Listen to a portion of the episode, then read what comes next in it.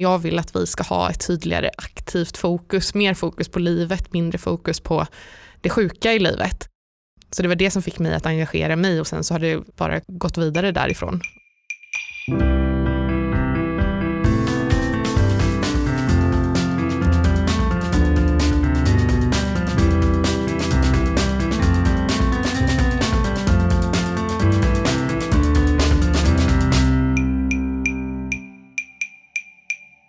Hur ska du som patient påverka din egen vård på bästa sätt? Reumatisk sjukdom är ett område där både patient och vård samlar stora mängder data. Både för att förenkla för den enskilda patienten, men också för forskningens skull.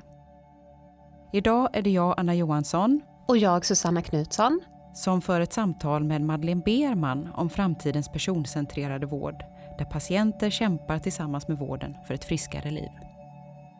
Hej Madeleine och varmt välkommen till Precisionspodden. Tack, jättekul att vara här. Ja, det är fantastiskt eh, roligt att ha det här och få det här patientperspektivet in i vår poddserie som är väldigt viktigt. Eh, du är ordförande Unga Reumatiker. Du är dessutom spetspatient i ett projekt som är koordinerat av Karolinska institutet. Eh, du sitter med i patient och brukarrådet hos Vårdanalys. Och du fick diagnosen reumatism när du var fyra år. Men jag tänkte att vi skulle börja prata lite om dina vardagsäventyr, så kan vi komma in på det, det, de andra bitarna sen. Eh, vi följer dig lite på Instagram då och ser att du är ute på väldigt mycket äventyr. Eh, kan du berätta lite om dina, ditt senaste äventyr kanske? Mitt senaste äventyr? Eh, ja, men just, jag försöker nog ta ta edgen av det lite med att kalla det vardagsäventyr just. Eh, men jag, jag, tycker mycket kan vara äventyr. Jag tycker det är bara att gå ut i skogen och laga middag eh, utomhus eller åka iväg och åka skidor. Alltså sådana saker som jag ser som det roligaste som finns. Eh, att vara ute och göra saker. Men om man ska se det senaste riktiga vardagsäventyret var nog att jag gjorde en halv Ironman. Wow. Um, det, är väl, det var väl det. Det var det jobbigaste jag gjort i hela mitt liv. Jag vet aldrig, jag tror inte jag kommer göra om det. men, men lite sådana saker som jag gör för att liksom motivera mig att, um, att hålla igång och jag tycker det, jag har svårt att liksom att bara så här, träna för att det är bra och kul. Då måste jag ha något mål eh, med det. Mm. Eh, så då brukar jag sätta upp lite sådana grejer nu funderar jag på, jag tror inte jag gör det den här sommaren, men nästa sommar så tror jag jag ska simma det här Vansbrosimmet eh, 10K, alltså en mil i den här älven. Eh, men jag tror inte det blir i år. det blir nog nästa. Ja, vilka härliga målsättningar och vilket driv du har. Man kanske skulle kunna säga att du har mer erfarenhet än andra av att planera din vardag, skulle du själv säga det? För att få, till, få in allt det här och få till allt det här. Nej, det, det, tror jag faktiskt inte att jag har. Eh, just min vardag är jag väldigt oplanerad och, och så. Det, det skulle jag inte säga. Mitt professionella är väldigt väl liksom, koordinerat, det livet och min kalender är ibland liksom på minutschema. Men mitt vardagsliv är inte lika planerat. Men eh, det kanske kommer. Ja, eller så kanske det är skönt att kunna släppa den där planeringen där då. Ja, jo, det är sant. Fast ibland hade det varit skönt att ha lite mer koll på, koll på allt runt omkring också. Ja. Eh, men Madeleine, du fick alltså din reumatism när du bara var fyra år. Och idag är ju du bland annat ordförande i Unga Reumatiker. Det är väldigt inspirerande att höra hur du använder sjukdomen som, som bränsle och drivkraft för äventyr och andra saker som du brinner för. Skulle du säga att det alltid har varit så? Definitivt. Um, det var ju, jag tror att, att de här äventyren och den liksom, aktiva fritid som jag vill ha är, är ett uttryck för att jag som barn kanske fick höra att nej men du, ska inte, du får inte spela basket eller handboll, eh, gymnastik passar inte för dig och alltså sådana här begränsningar i vad jag borde och inte borde göra på grund av min reumatiska sjukdom. Så det jag gör nu är ett sätt för mig att bevisa att jag visst kan göra allting och vad som helst och kanske till och med mer än vad eh, gemene person kan göra också, eller vill göra. eh, men det har ju också förmodligen speglat mitt engagemang på, på många sätt. Och jag tror att det också syns i Unga Reumatikers arbete, hur vi jobbar. Det är på ett sånt liknande sätt och jag tror att det är många av våra medlemmar som också har den här lite men, revanschkänslan ehm, eh, i att jag ska minsann visa att eh, jag kan leva det livet jag vill. Och, eh, och det är det vi mycket jobbar för med ja, vår vision i Unga Reumatiker är att alla unga reumatiker ska känna livsglädje och kunna uppfylla sina drömmar. Och jag vill ju också vara en förebild i det och vara en förebild som gör det jag säger att vi liksom ska ha rätt att göra. Ehm, så det är inte bara din sjukdom i sig utan det är, fakt- det är även ditt engagemang i, i föreningen och Unga Reumatiker och allt annat som du håller på med som, som, ja. som du använder som drivkraft också? Då. Ja, och det var det, det, var det, mitt, liksom, det jag började med, eh, eller det var det som fick mig att söka till att bli ordförande. Det var så här, nej men jag vill att vi ska ha ett tydligare aktivt fokus, mer fokus på livet, mindre fokus på det sjuka i livet. Um, så det var det som fick mig att engagera mig och sen så har det bara gått vidare därifrån och utvecklats. Varför är det viktigt då? Att ha ett aktivt liv och kunna liksom uppfylla sina drömmar och det ni, det ni pratar om. Varför är det viktigt? För att reumatisk sjukdom aldrig ska vara något som hindrar en från att leva sitt liv fullt ut. Det är framförallt min del, alltså jag måste ta de stegen, men jag måste också få rätt förutsättningar, både från liksom samhället, skolan, arbetslivet eh, och absolut hälso och sjukvården för att kunna göra det. Och det där behöver liksom inte vara, jag menar verkligen inte att alla med reumatisk sjukdom eller eh, någon annan sjukdom ska göra en Ironman eller en klassiker eller, eller sådana saker. Det har bara varit det som jag har drömt om och jag velat. Det kan vara andra saker som att eh, smått och stort som att gå i högklackat på skolavslutningen eller att eh, resa och backpacka i tre månader eller eller något annat. Men det här har varit det som har varit viktigt för mig. Jag menar inte att det ska vara så här, nu ska alla bli eh, triatleter och sporta mycket, utan bara lyssna och vara, göra det som en själv vill. Som ordförande i Unga Reumatiker så är du ju ändå ansiktet utåt, alltså dels då för organisationen som sådant men också för en sjukdom. Hur påverkar den upplevelsen dig? Ja, det där var ju en sån lite spännande sak när jag började engagera mig och blev ordförande, då hade jag ju knappt sagt till någon att jag hade reumatisk sjukdom innan. Då var jag 20 år, vad är det? Ja, jag, tro, jag tror jag var 20 år. Um, och eh, nej, men det var bara min familj och liksom närmsta vänner som visste om att jag hade reumatisk sjukdom, för det var ingenting jag berättade för folk eller alltså kompisar heller, för jag ville inte att någon skulle se mig på ett annat sätt um, och behandla mig annorlunda. Och och så, för det hade erfarenhet av att liksom lärare sa att ja, men du kanske ska sitta ner eh, och du kanske ska åka du kanske inte ska följa med på den här utflykten och, och sådana saker och det var det värsta jag visste när jag blev särbehandlad eh, på grund av min reumatiska sjukdom och när det var andra som la på mig det, inte när jag själv sa det funkar inte just nu utan andra gick före och fattade sådana beslut åt mig. Var det så alltså? Att du inte fick följa med och göra vissa saker? Och så? Jo, alltså jag var ju så envis så jag följde ju med ändå och då tog jag gärna liksom tre ryggsäckar på ryggen bara för att bevisa att eh, nej men alltså det blev väldigt mycket motreaktioner och samma sak med typ, du får inte göra kullerbyttor. Då gick jag ut eh, bakom huset och gjorde liksom gjorde dem tills jag, ja men precis, gjorde dem tills jag nästan svimmade för det var ju ingen annan som fick veta det eller så men jag var tvungen att liksom visa för mig själv att det kan jag visst det. Jag kan göra hur många kullerbyttor som helst. Um, men, men så det var någonting som jag absolut inte var öppen med. Och när jag liksom sökte, det var en sån sak som, eller det var den enda saken som jag inte var helt ärlig med valberedningen. För att jag var inte, jag var inte där än, jag hade sökt mig dit också för, jag hade sökt mig till unga reumatiker för att en kurator på ungdomsmottagningen sa åt mig att du måste träffa andra, du är inte alls ensam i den här situationen. Du är inte unik på något sätt i att vara liksom Eh, 20 år och har reumatisk sjukdom. Jag trodde ju att alla hade blivit friska eh, som hade fått det som barn.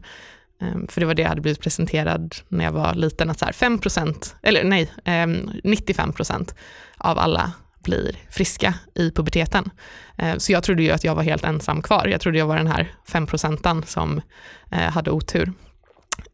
Men så det var, det var av inrådan från kurator som jag sökte mig till Unga Reumatiker och sen så tänkte jag nu kör vi all in och så sökte jag till att bli ordförande. Eh, från att inte ens ha varit medlem för jag vill inte identifiera mig med andra. Eh. Vilket härligt driv du har. Ja, ja men, och, och, där, och där fick jag också vara den här, nej men nu måste jag nu måste jag ju prata om detta och nu måste jag, mm. eh, nu måste jag göra detta mm. eh, öppet för eh, det är inte trovärdigt om ordförande liksom, går runt och hymlar med detta. Då, vad sänder det för signaler till medlemmar? Mm. Ehm, så det blev en riktig pannkaksvändning i att vara öppen med det och det har bara eller det har inte varit liksom negativa upplevelser av det. Hur förändrade det dig att du kom ut och blev så här öppen med din sjukdom? Nej men absolut till det bättre. Alltså det tar ju, tar ju bort liksom stigmat kring det som jag kanske har byggt upp inom mig också. Eh, men som absolut finns i, i, i liksom allmänhet också. Jag har ju alltid haft ett försvarstal med mig och det är kanske också därför jag har gjort de här grejerna alltså att, och haft så aktivt eh, för att jag ska kunna säga det om, om jag märker att någon liksom börjar behandla mig annorlunda så kan jag säga, men jag är faktiskt skidlärare och, och då kan, har jag kunnat göra det här så ni, ni kan liksom inte räkna bort mig på, på grund av min reumatiska sjukdom. Alltså att hela tiden ha sådana saker med mig. Men, men jag tycker att det har blivit, det har blivit bättre nu också. Du möts av större förståelse idag tycker du då eller? Eller vad är det som har blivit? Men det är också svårt att jämföra eh, i för, för nu kanske jag hamnar i så många sammanhang där folk inte vet att jag är eh, ordförande i Unga Reumatiker och alltså, för, jag, för jag menar, jag söker ju inte jobb nu, så där har jag inte blivit liksom någon som har sett mig annorlunda på grund av det och inte heller i, i, i de uppdragen jag har, för där har jag kommit dit med anledning av att jag har reumatisk sjukdom. Så, så det kanske är det kanske är något jag får uppleva efter det här uppdraget igen, att hur det faktiskt är.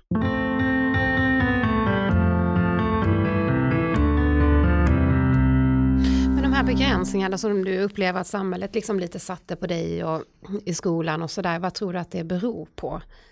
Dels en felaktig bild Eh, som bland annat media är ansvarig för att pumpa ut att så här, varje gång man pratar om reumatisk sjukdom så är det en bild på en äldre person eller de här krok, liksom, händerna ehm, så.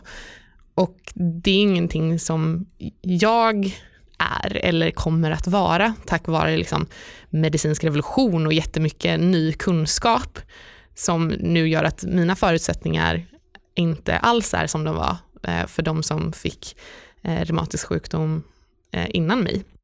Eh, och också att många liksom jämför då med att när de hör att ah, du har reumatisk sjukdom, det hade min farmor också. Och då klumpar ihop oss. Ehm, och då är jag så här, ja men jag har jättemycket erfarenhet, jag förstår det här precis. Och så tänker då att hur brukar vi göra med farmor? Ja men det är så här och så här. Eh, så då, då gör vi ju det mot dig också. Mm. Och det är ju, alltså jag tror det är av välvilja. Jag tror inte någon liksom försöker stänga ute, uh, eller mig har de i alla fall inte gjort det, av ondo, utan det är väl mer för att så här, nej men hon ska inte behöva säga att hon inte orkar eller inte Eh, klarar av det här just idag, men det har ju blivit fel. Och ändå så är ju reumatism jag menar, en av de största folksjukdomarna vi har i Sverige och man beräknar att över en miljon svenskar lever med någon form av reumatisk sjukdom. Ja. Och många är ju precis som du när du fick din diagnos, barn och, och unga. Mm. Märker du att vården har utvecklats något sedan du fick din diagnos? Ja och nej. Det är svårt att jämföra också eftersom att jag inte är i barnvården längre. Eh, om jag hade varit där fortfarande och sett den utvecklingen där, och sen, eller om jag bara hade varit i vuxenvården hela tiden, för det är ju två ganska olika skolor och teorier och kulturer som är, eh, är däremellan. Men jo, jag skulle säga att det har utvecklats absolut. Jag fick ju det här i slutet av 90-talet. Det var ju innan barn hade börjat få biologiska läkemedel till exempel. Ehm, då var det bara cellgifter och liksom antiinflammatoriskt men, men det hade inte liksom, biologiska läkemedel hade inte kommit in på barn än. Det hade börjat med några få eh, men inte så etablerat som det är idag. Och jag upplever att man nu är bättre på många ställen också att treat to target, alltså att man inte kör behandlingstrappan, vilket det kan vara en väldigt lång och eh, liksom, plågsam och onödig process utan istället liksom, satsar tydligt på att få en fungerande behandling och sen så att man då kanske backar den istället. Eh, börjar i den änden. Det är fortfarande samma utmaningar ser jag i att vi pratar om smärta, trötthet, stelhet och inte om eh, liksom vad vi gör för att må bra, när vi mår som bäst. Vi pratar inte om energinivåer, det finns liksom inte utrymme för att prata om när man är liksom pigg och som i sitt bästa jag. Utan det är väldigt fokus på sjukdom och väldigt, ja men till exempel om jag kommer på ett rutinbesök och jag kanske har en inflammation i knät den gången, då är det knät vi fokuserar på den dagen och eh, inte kanske andra saker som, som ger helheten. Varför ska vi fokusera på knät? Var, varför är det viktigt? Så, så jag tycker att det är väldigt mycket som är lika men sen så är det absolut ny kunskap och eh, så som implementerat. När jag fick det här så var ju också, det var inte jättemånga som fick råd om att man ska röra sig och att fysisk aktivitet är det absolut bästa som finns för reumatisk sjukdom, utan det var fortfarande den här vila och ta det lugnt när du har ont. Och nu vet ju alla att det inte alls är rörelse som triggar inflammationer och det blir liksom inte värre av det utan bara bättre. Men det var ju inte inte alls på plats när jag var liten. Ja, det är fantastiskt att det går framåt både i vår generella kunskap kring olika, olika sjukdomar där, eh, mm. där det har gått väldigt mycket framåt kan man väl säga inom just de reumatiska sjukdomarna och förståelsen kring, kring det. Och jag tänker det här som du är inne på, eh, att bli sedd som en, en individ och som en, eh, som en person utav sjuk, hälso och sjukvården, inte bara som sin sjukdom. Mm. För du är ju också involverad i det här med spetspatienter och du kallar dig spetsaktivist och så. Vad, eh, vad är det? Ja, eh, bara för att förtydliga så skulle jag säga att jag är spetspatient i min roll som ordförande, men som Madeleine Berman i besök eh, hos min läkare så skulle jag inte säga att jag är en spetspatient. Utan jag är, inom spetspatienter så ser jag mig själv som en aktivist, men jag ser inte mig själv som det i min egen vård. Förutom nu då när det är många som vet, eh, alltså mina läkare tvingar nästan in mig, eller läkare och andra inom min egen vård gör ändå att jag kommer in i den rollen lite ibland i att så här, ja vi läste i Läkartidningen att du skulle föreläsa på den här dagen eh, och, och sådana saker och kanske diskutera någon debattartikel som de har läst och liksom tar mitt läkarbesök lite till att så här, så vi kommer in på sådana saker ändå i utveckling även där. Så, så jag kanske tar en sån roll ändå eh, ibland. Men men det är väl bra att du syns även mot dem? Ja det är det ju. Men ta, du får ta det.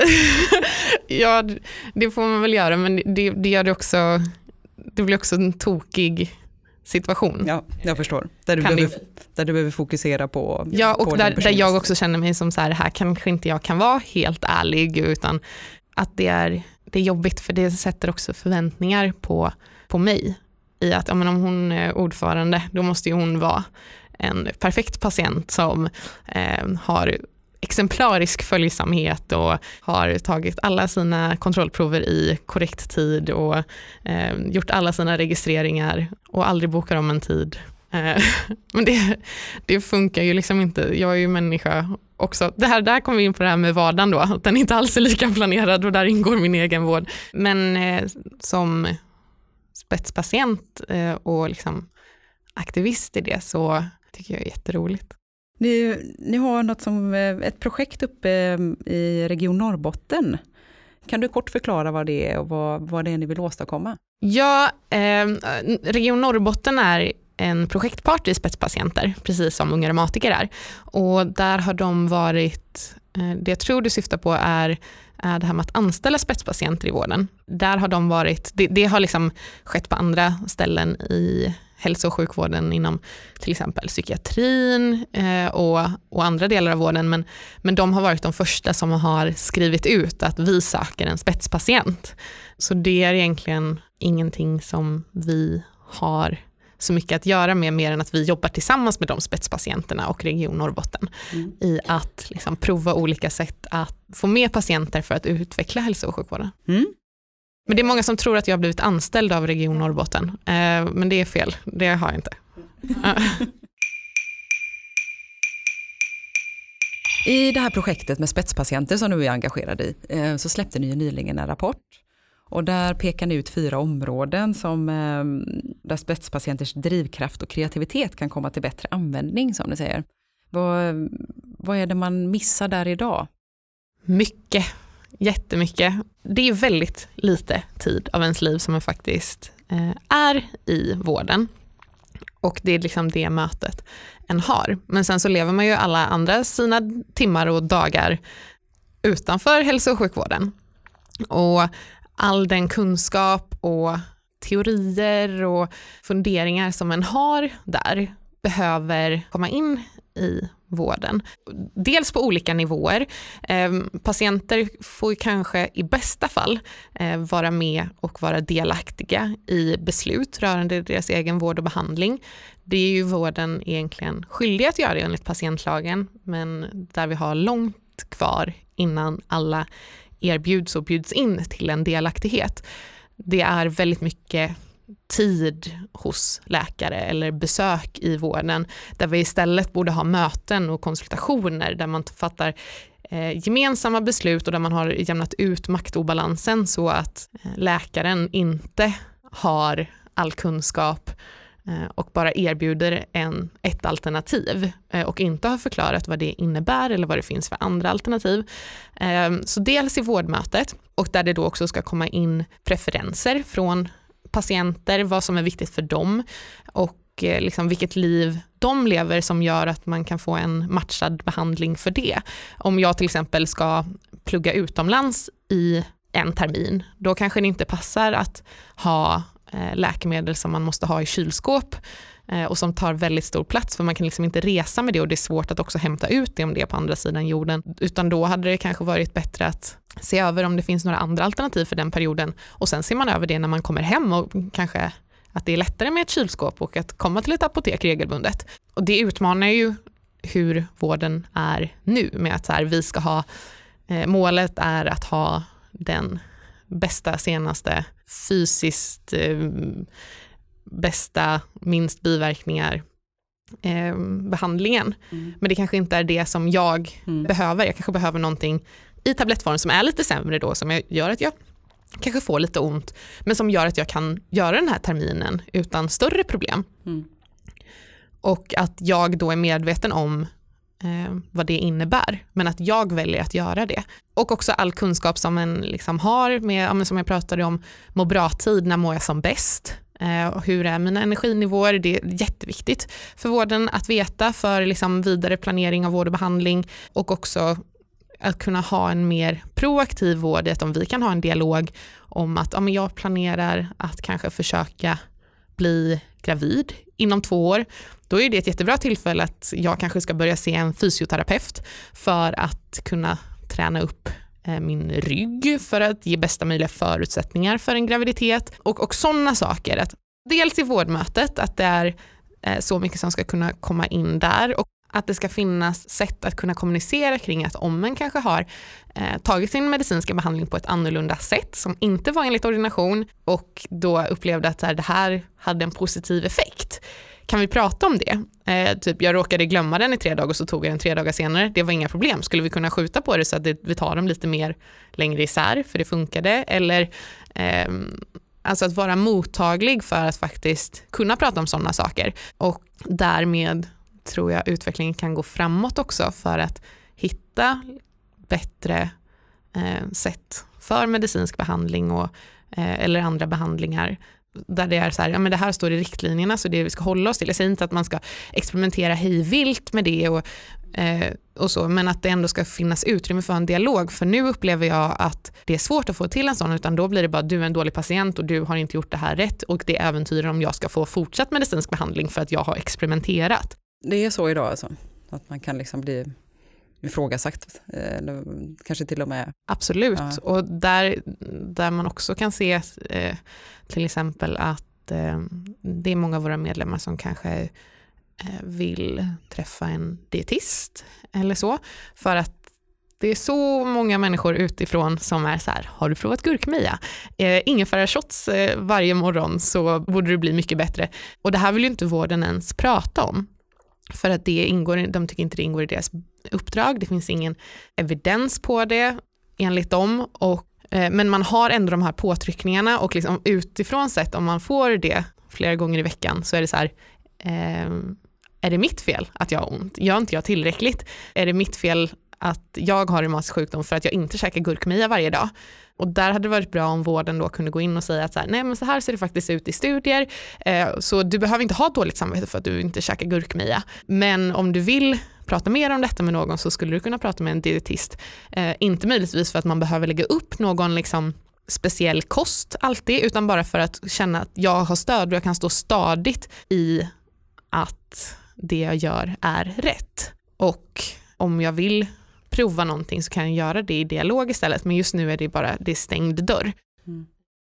Så det ni försöker koka ner, det ni efterfrågar är egentligen mer, ett mer holistiskt eh, perspektiv och en utökad dialog? Ja, ja. Och det är ju en del av dem då, förlåt. Ja. Och sen så, sen så kommer vi in på mer eh, systemnivå och alltså påverka hur det här läggs upp. Och då finns det till exempel patientråd som vissa använder sig av, men det måste också in på en högre nivå med patientmedverkan och patientperspektiv för att få ett helhetsgrepp om det. Och det får inte bara fastna vid att så här, nu ska vi välja färg på väggen här i i rummet, eh, eller i väntrummet, vilken vill ni patienter ha? Vilken färg tycker ni är finast? Eller, eller så. Eh, utan att det var inte den viktigaste frågan för er? Nej, patient. den inte. Men den kan vara väldigt, väldigt viktig. Nu, eh, på Karolinska till exempel, i de nya lokalerna, så gjorde de barncancervården och barn, den gjorde de i en färg, om det var väggar eller golv, jag kommer inte ihåg, eh, i en gul färg som de här barnen liksom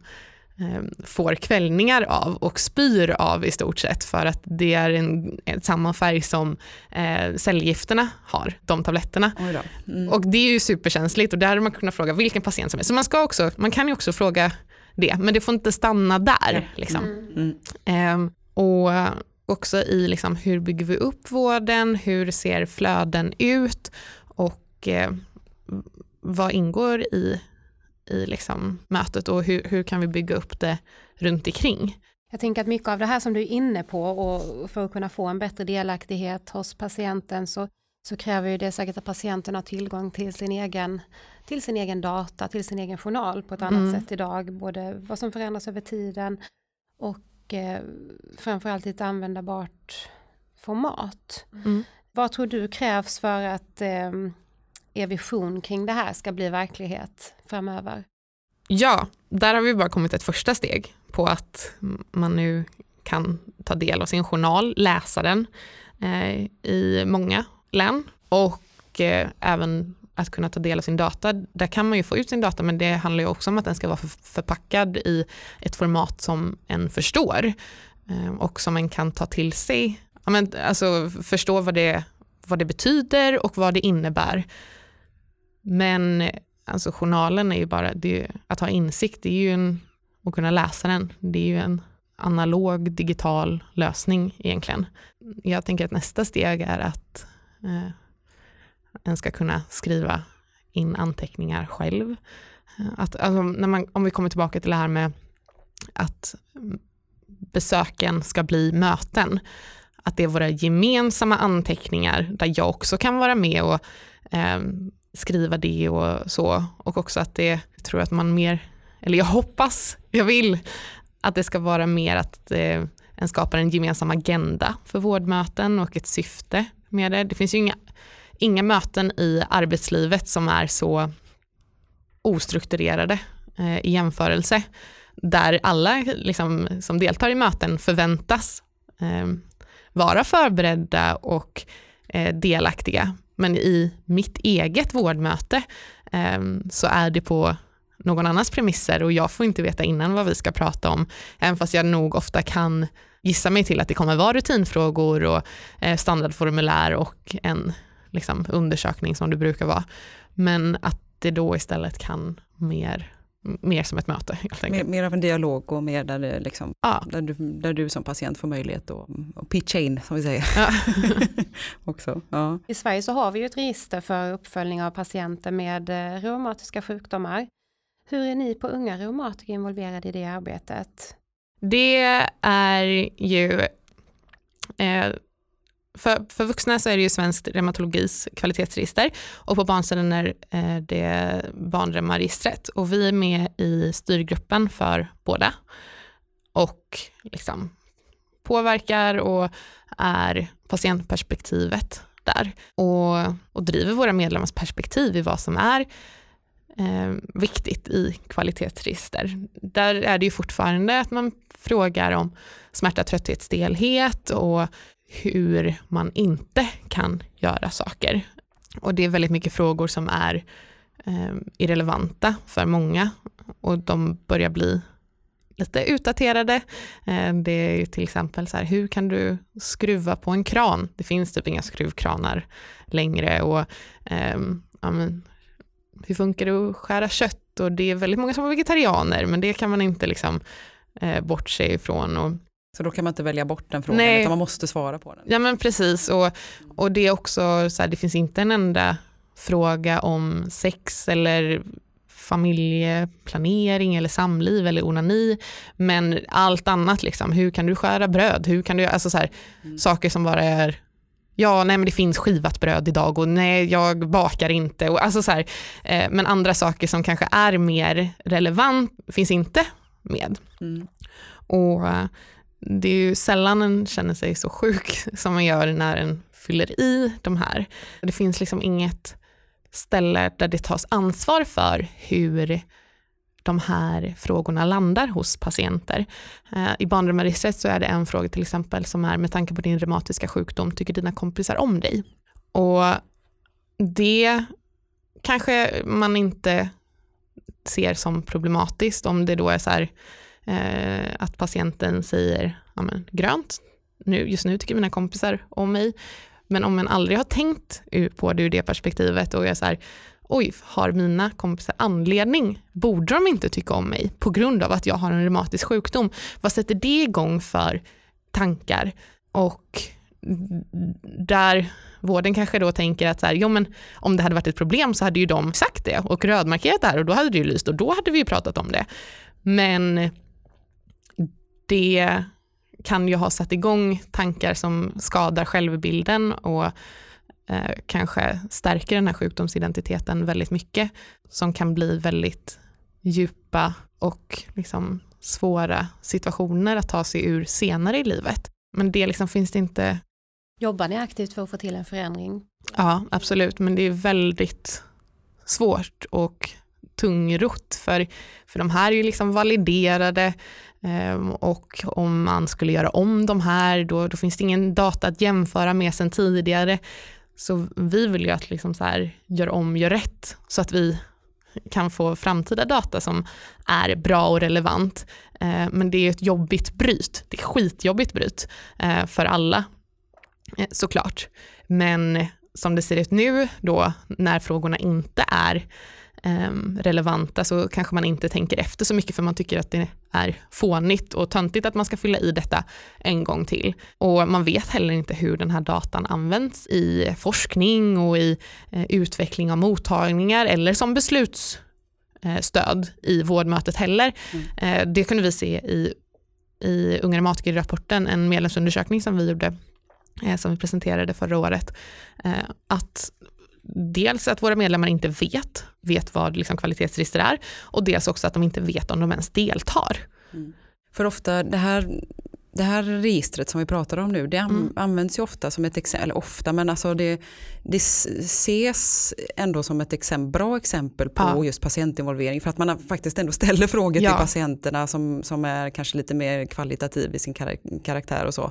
Ehm, Verkligen, och där, där var ju verkligen eh, PER, alltså patientens egen registrering, en föregångare, men att den fortfarande ses som det eh, känns problematiskt. Det är inte det man ska titta på tycker jag om en håller på att utveckla ett kvalitetsregister till att bli alltså för mer för patienter. Eller man kan göra det, men då får man också förstå att det här är det här är gammalt Mm. nu och att vi, det har kommit längre.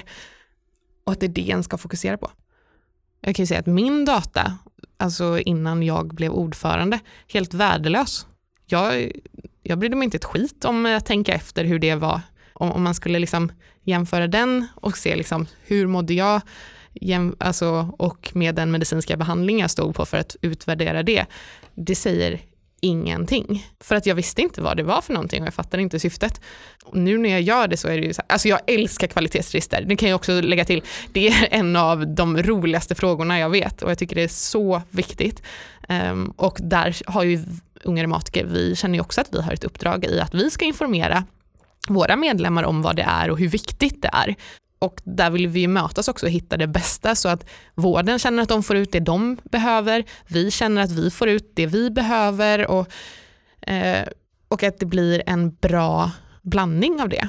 Men du ser alltså att de olika parterna här, alltså de o- kan komma mer samman och, och tillsammans utveckla registret och se till att det, liksom, att det finns många parter som, eh, som kan vara med och bidra med, med input där. Det, det är det jag förstår att du, du efterfrågar. Ja, Ja, tydligt ja.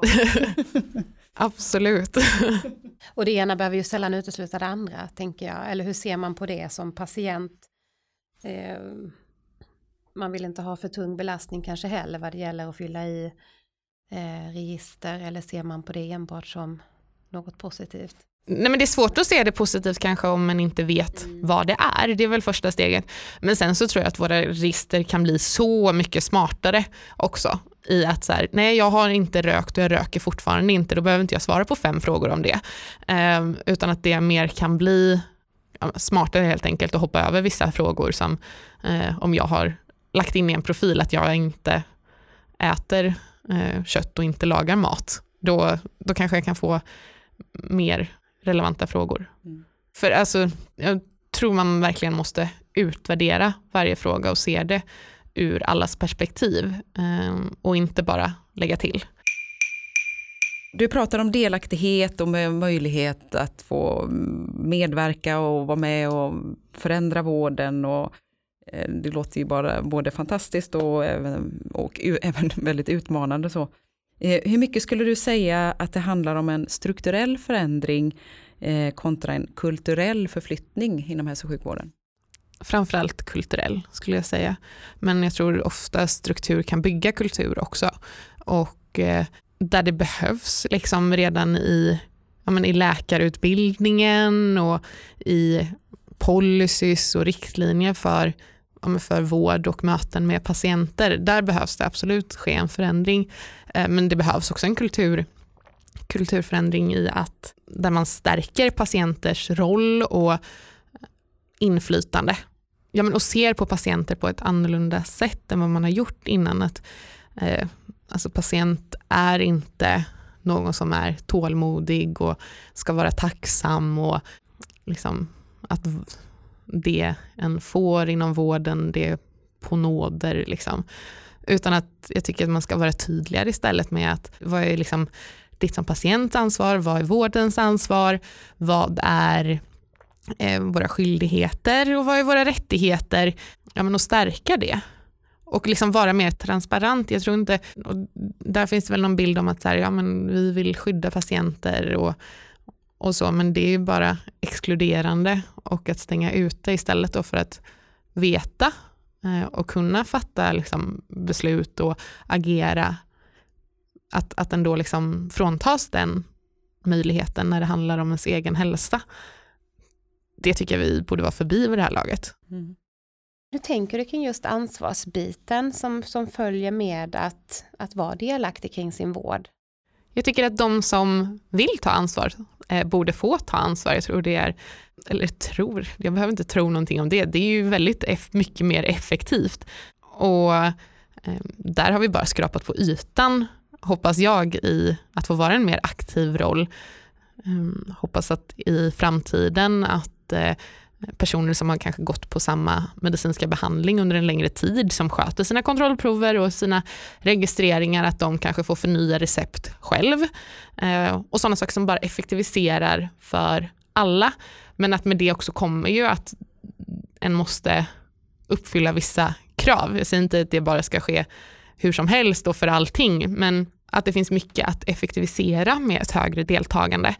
Och också varför ska jag gå på ett vårdbesök eh, som är en ja, så här, rent rutinkontrollbesök om jag mår bra? För att komma dit och säga att allt är toppen, tummen upp, eh, ses om ett år igen. Och då, och då, jag menar, det kanske tar tio minuter, själva mötet, men då ska jag ha tagit ledigt från skolan eller jobbet eh, och transporterat mig dit, suttit i väntrummet och sen ska jag åka tillbaka, så det är ju en halv dag.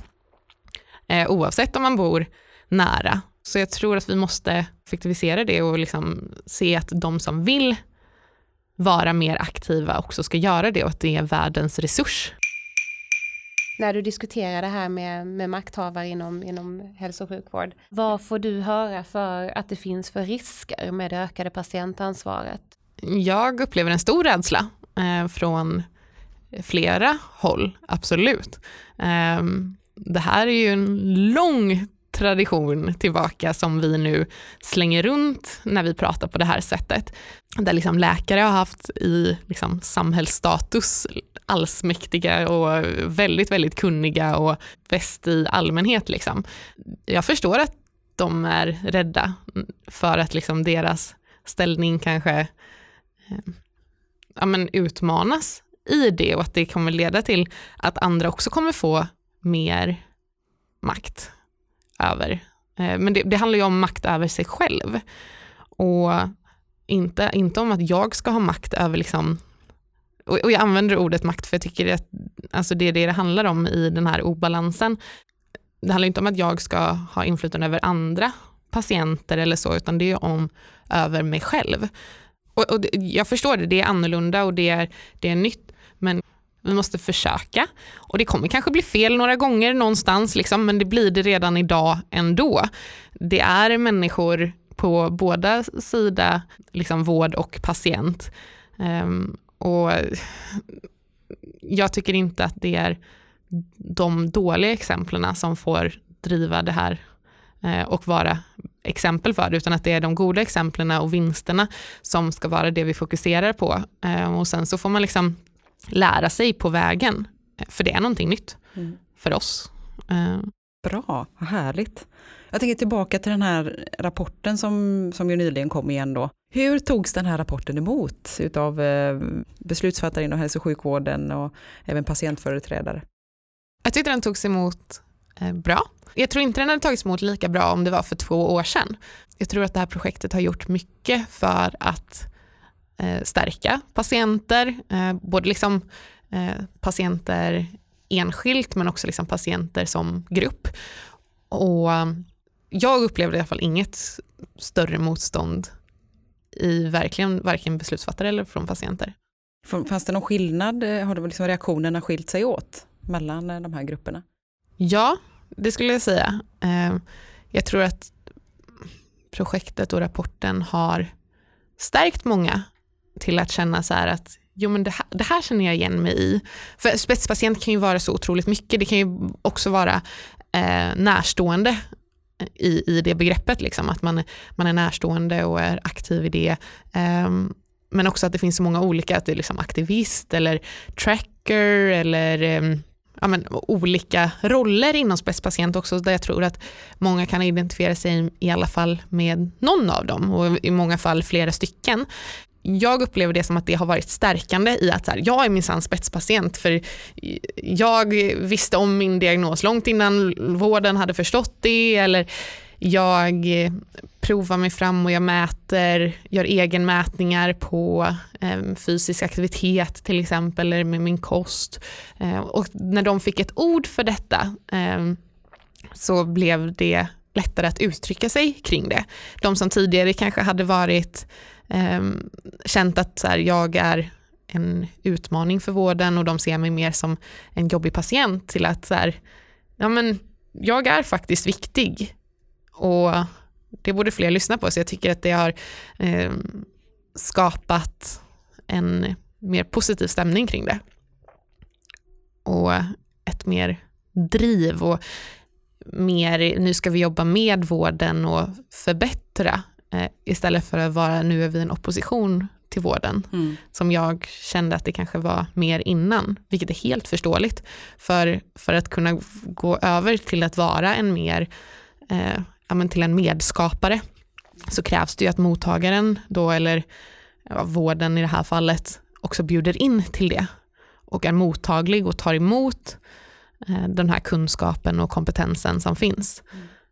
Så, så jag känner att ja, men från båda håll är det mer positivt också. Och när vi, när vi liksom har varit så tydliga och försökt att presentera vad vinsterna är med detta, det blir svårt att säga nej också till att jobba med spetspatienter. Mm. Vi har ju varit inne lite tidigare på det här med att det, det finns många olika aktörer och det, det, det bästa är om vi kan få till liksom en samverkan där, där många deltar för att, för att utveckla hälso och sjukvården. Ehm, och patientupplevelsen inte minst då. Och vi ser ju även att det finns nya spelare som kommer in ehm, på scenen här och nya aktörer som äntrar. Inte minst olika techbolag där patientupplevelsen här eh, ofta är, är mer central.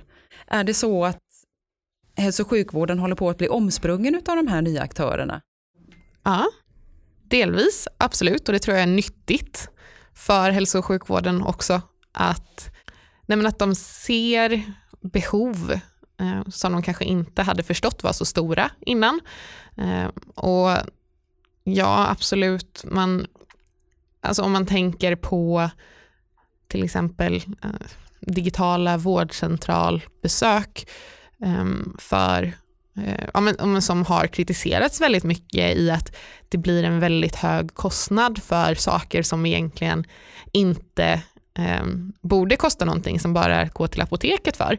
Eh, där måste man ju förstå att det finns ju ett behov här av bättre information eller, eller någonting och då måste man ju leverera det för det är ju inte bara att Alltså, man kan inte bara strunta i det, att det inte finns. Om folk använder detta så finns det ju bevisligen ett behov och då måste man hitta ett sätt att då kanske att, att lösa det.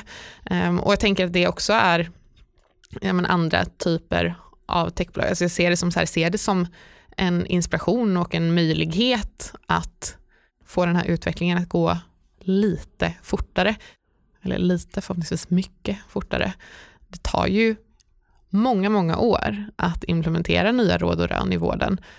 Borde, borde det gå snabbare? Ja, det tycker jag. Eller i alla fall de bra sakerna borde gå snabbare. Um, men, men där får man också vara noga med också att det ska finnas ett behov, att det är också behovsägarna, alltså patienterna oftast då, ibland kan det vara vården som har något behov från Alltså att de behöver någonting från ett sätt att kommunicera med patienter bättre och så. Men sett från, sett från vårt perspektiv så måste det vara lösningar som kommer ur ett problem.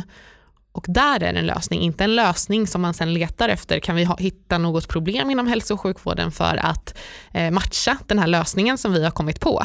Eh, och att det är en stor skillnad och att där måste man också ta med patienter i det perspektivet för att, för att sätta prioritet i vad ska vi fokusera på och utveckla och vad ska vi implementera här? Vad är faktiskt viktigt för patienter? Inte bara ta att det här var ju en bra lösning och det kan ju typ matcha vår verksamhet. Det provar vi. Så, så man inte behöver göra om och göra rätt så många gånger. För det är också så här, om man, om man drar igång ett sånt stort projekt, att kanske eh, om man utvecklar någonting så, så, så, så är det ju väldigt mycket mer effektivt om man gör rätt för, från början och att det faktiskt blir ett värde. Mm. Göra hemläxan först och utgå från rätt saker och sen eh, Ja, utveckla. och viktigt då att ta med patienter in i, i det. Mm.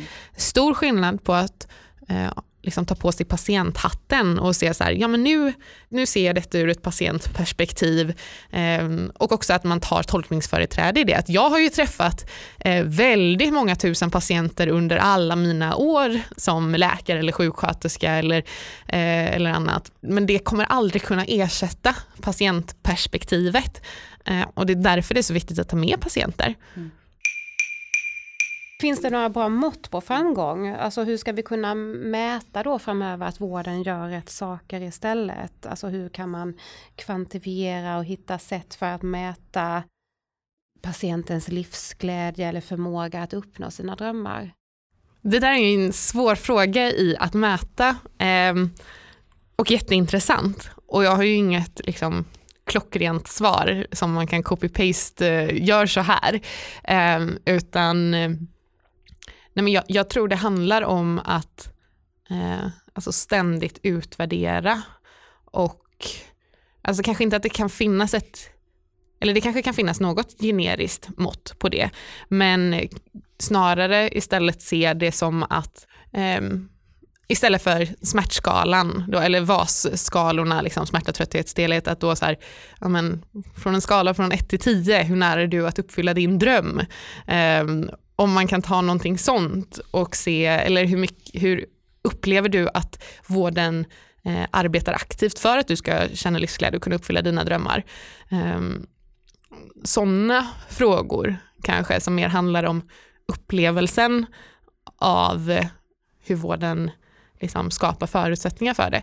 Jag eh, vill också liksom poängtera att det handlar inte om att vården, eh, det, det, här är en sån eh, fördom som jag möts av när vi pratar om detta, det är att så här, ja, men ska vi börja boka flygbiljetter och ska vi liksom köpa skidor åt våra patienter nu som eh, istället för att förskriva läkemedel. Jätteintressant tanke för övrigt. Eh, fysisk aktivitet på recept, väldigt bra. Men, men det är inte det vi pratar om, utan det handlar ju om vad, vad ska vården göra för att möjliggöra att jag själv ska kunna boka min resa eller anmäla mig till Vasaloppet. Alltså inte, och, och aldrig sätta en gräns i att jag tycker inte det här är en bra idé. Jag, menar, jag vill läsa till florist Eh, på gymnasiet kanske. Eh, något som reumatologer känner att det kanske inte är den bästa idén och det är kallt vatten och det är handarbete. Att aldrig begränsa det och säga och rekommendera någonting annat utan bara, aha vad kul, okej, men då kör vi lite arbetsterapi då så att du får bästa förutsättningar och vi tar bort den här krämen som du har på dina händer för det funkar inte när du jobbar så mycket i vatten. Och, och sen så kanske den här patienten då känner själv att nej men det funkar inte för mig. Men då kanske jag kan hitta något annat inom det här, kanske bli blomsterdesigner eller någonting. Ehm, för för det, det, drömmar är någonting dynamiskt, det är någonting som förändras över tid och man liksom ändrar sina värderingar. Det är inte så heller att bara för att jag sa att jag drömde om en sak när jag var fem år, att det är det som gäller nu. Och att jag också kommer att ändra mig på vägen, men att jag måste känna att jag har vården med mig och vi jobbar tillsammans för eh, mitt mål och mot min sjukdom. Jag behöver inte också jobba mot vården och övertyga dem om att det jag vill är viktigt och spelar roll. För idag så är det ju två olika mål då. Du har ju ett mål eh, som patient och, och sen har sjukvården ett mål för dig ja. eh, i din sjukdom. Det är, där du, det är det du är ute efter, att det ska liksom mötas. Ja, men och vi ska vara på samma sida.